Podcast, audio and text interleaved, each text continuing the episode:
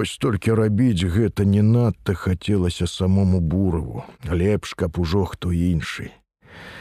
Шкада, іншага не знайшлося.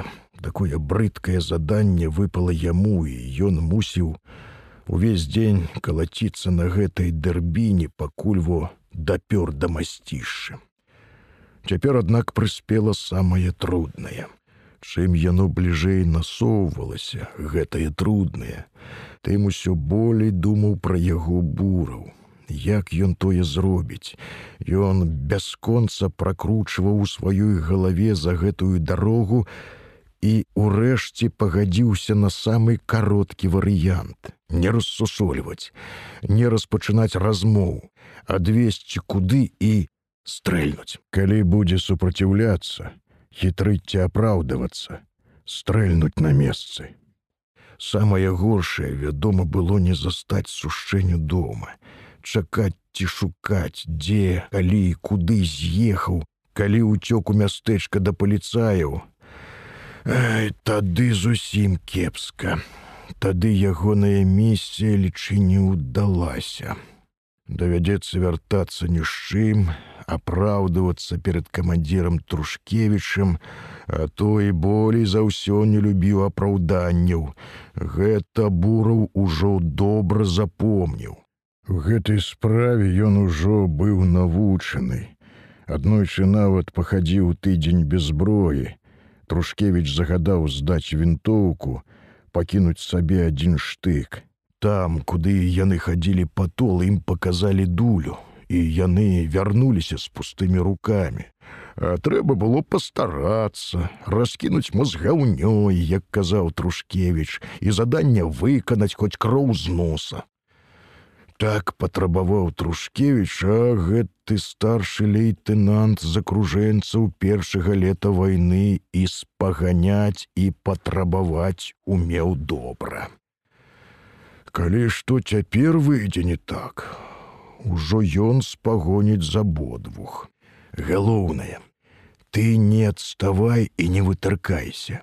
Найлепш, каб я цябе спіной чуў. А што трэба, я сам зраблю, сказаў бураў, не паварочваючыся да войціка. Той, чуваць было, зноў насцярожыўся. А коні, А што коні? Коні, калі што патрымаеш трэба б яшчэ каго ўзяць гучна высмаркаўшыся на траву гугнява зазначыў войцік. Трэцяга усё б зручнее то што ўдвух ну ты разумны такі пачаў злавацца бураў. Чаго ж ты там маўчаў? Сказаў бы камандзіру давайте трэцяга. Дык жа маўчаў Маўчаў, маўчаў, няпэўна прабурчэў войцік і пацягнуў за повод коня, які папнуўся ў кустое па хамлак зялёнай травы. Но ты, ваўкарэзіна, не нажрэшся. Тым часам патроху цямнела, ленавата і няпэўна.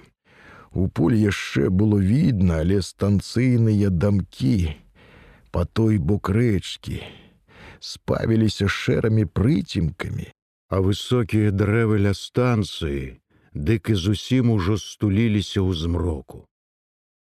Мусіць, можна было ехаць, бо рабілася ўсё болей сцюдзёна на гэтым ветраным узлеску.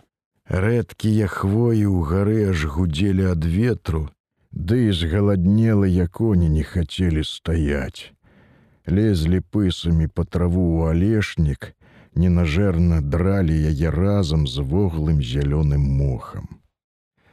Так, давай памалу цераз поле накладку, кіўнуў галавой бураў і завярнуў кабылку. Коні пайшлі полем, цвякуючы капытамі ў раскіслай ад дажджу баразне.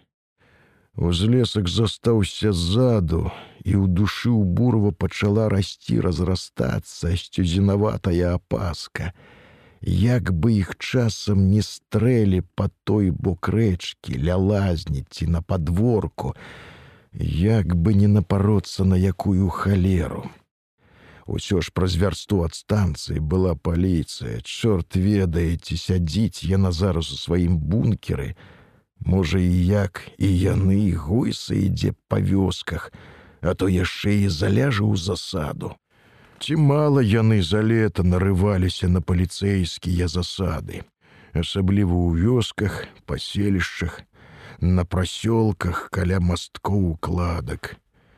Цяпер, едучы наўпрасткі цераз поля, ён не падганяў кабылу, і тая ішла, як хацела зморна тупала, клюкаючы капытамі ў гразі, А ён, навастрыўшы зрок, пільна ўглядаўся ў прырэчных мызняк туды, дзе калісьці была кладка.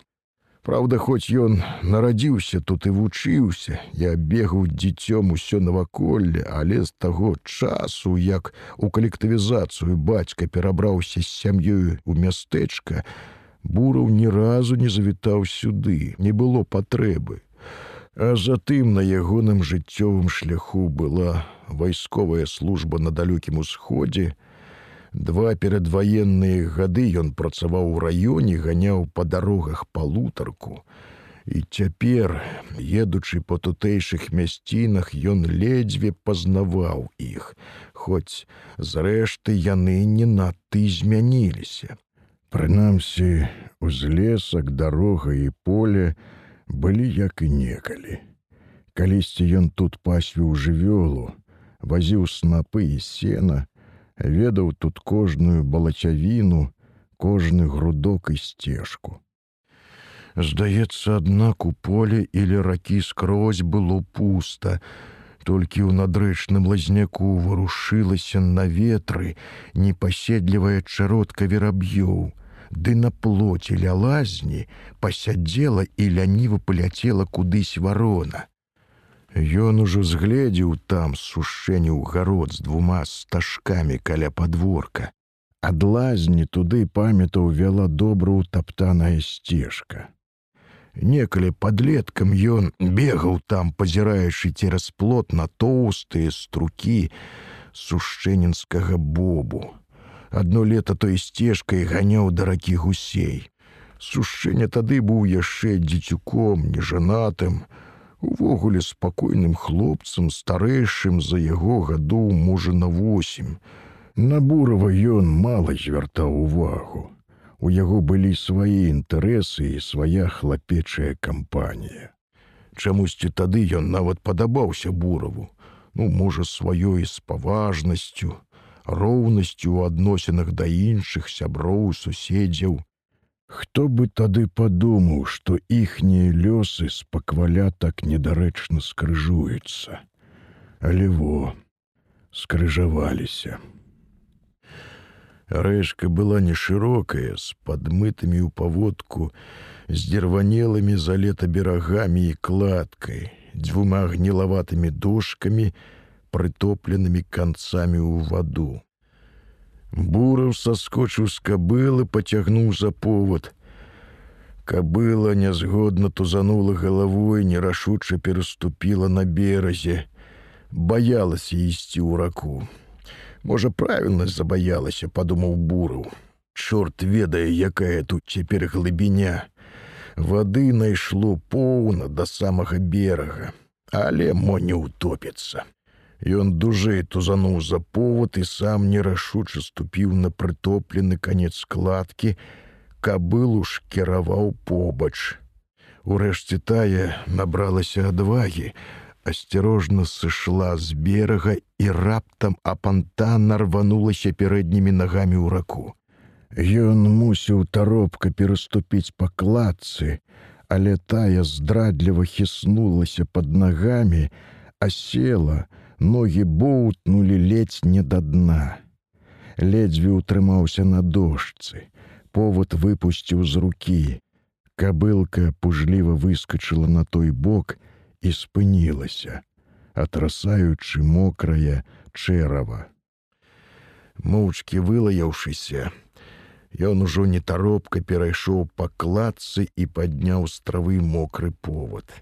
На тым беразе, не злазячы з каня сядзеў войцік. Ну што стаў, давай конна, тут не глыбока. Войцік пераехаў болей удала, конь цяжкавата ўзабраўся на бераг, і тады войцік саскочыў, узяў з рук бурава повод.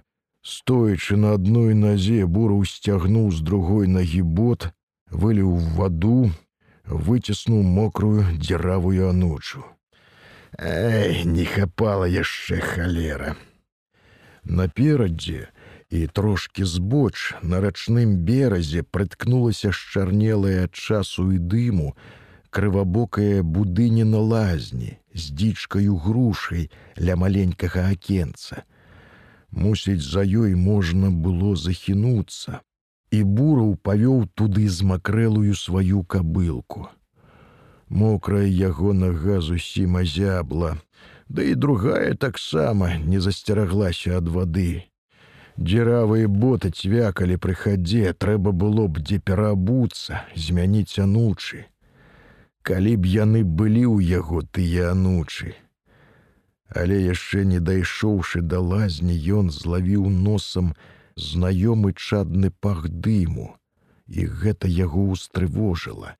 Калі ад лазні пахне дымком, дык, Мабыць, там паляць ці ўжо напалілі і мыюцца трэба ж было ім налезці на яе ў такі час. Але паварочваць назад, мабыць, было позна. У акенца лазні іх маглі ўжо згледзець.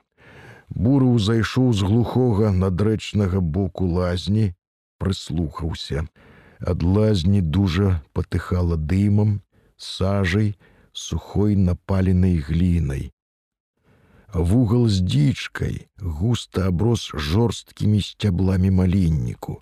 Войцік пад'ехаўшы таксама саскочыў з коня і бураў аддаў яму повод а сам зірнуў з-за вугла на дзверы дашчаныя скасабочаныя дзверы лазні былі падпёрты яловым калком значыць унутры яшчэ не было нікога Мабыць, толькі яшчэ збіраліся мыцца. Войцік з натруджаным клопатам на зашчаціненым твары чакаў, што рабіць далей. І буру рашыў: « Давай туды, вунь хата, па сцежцы.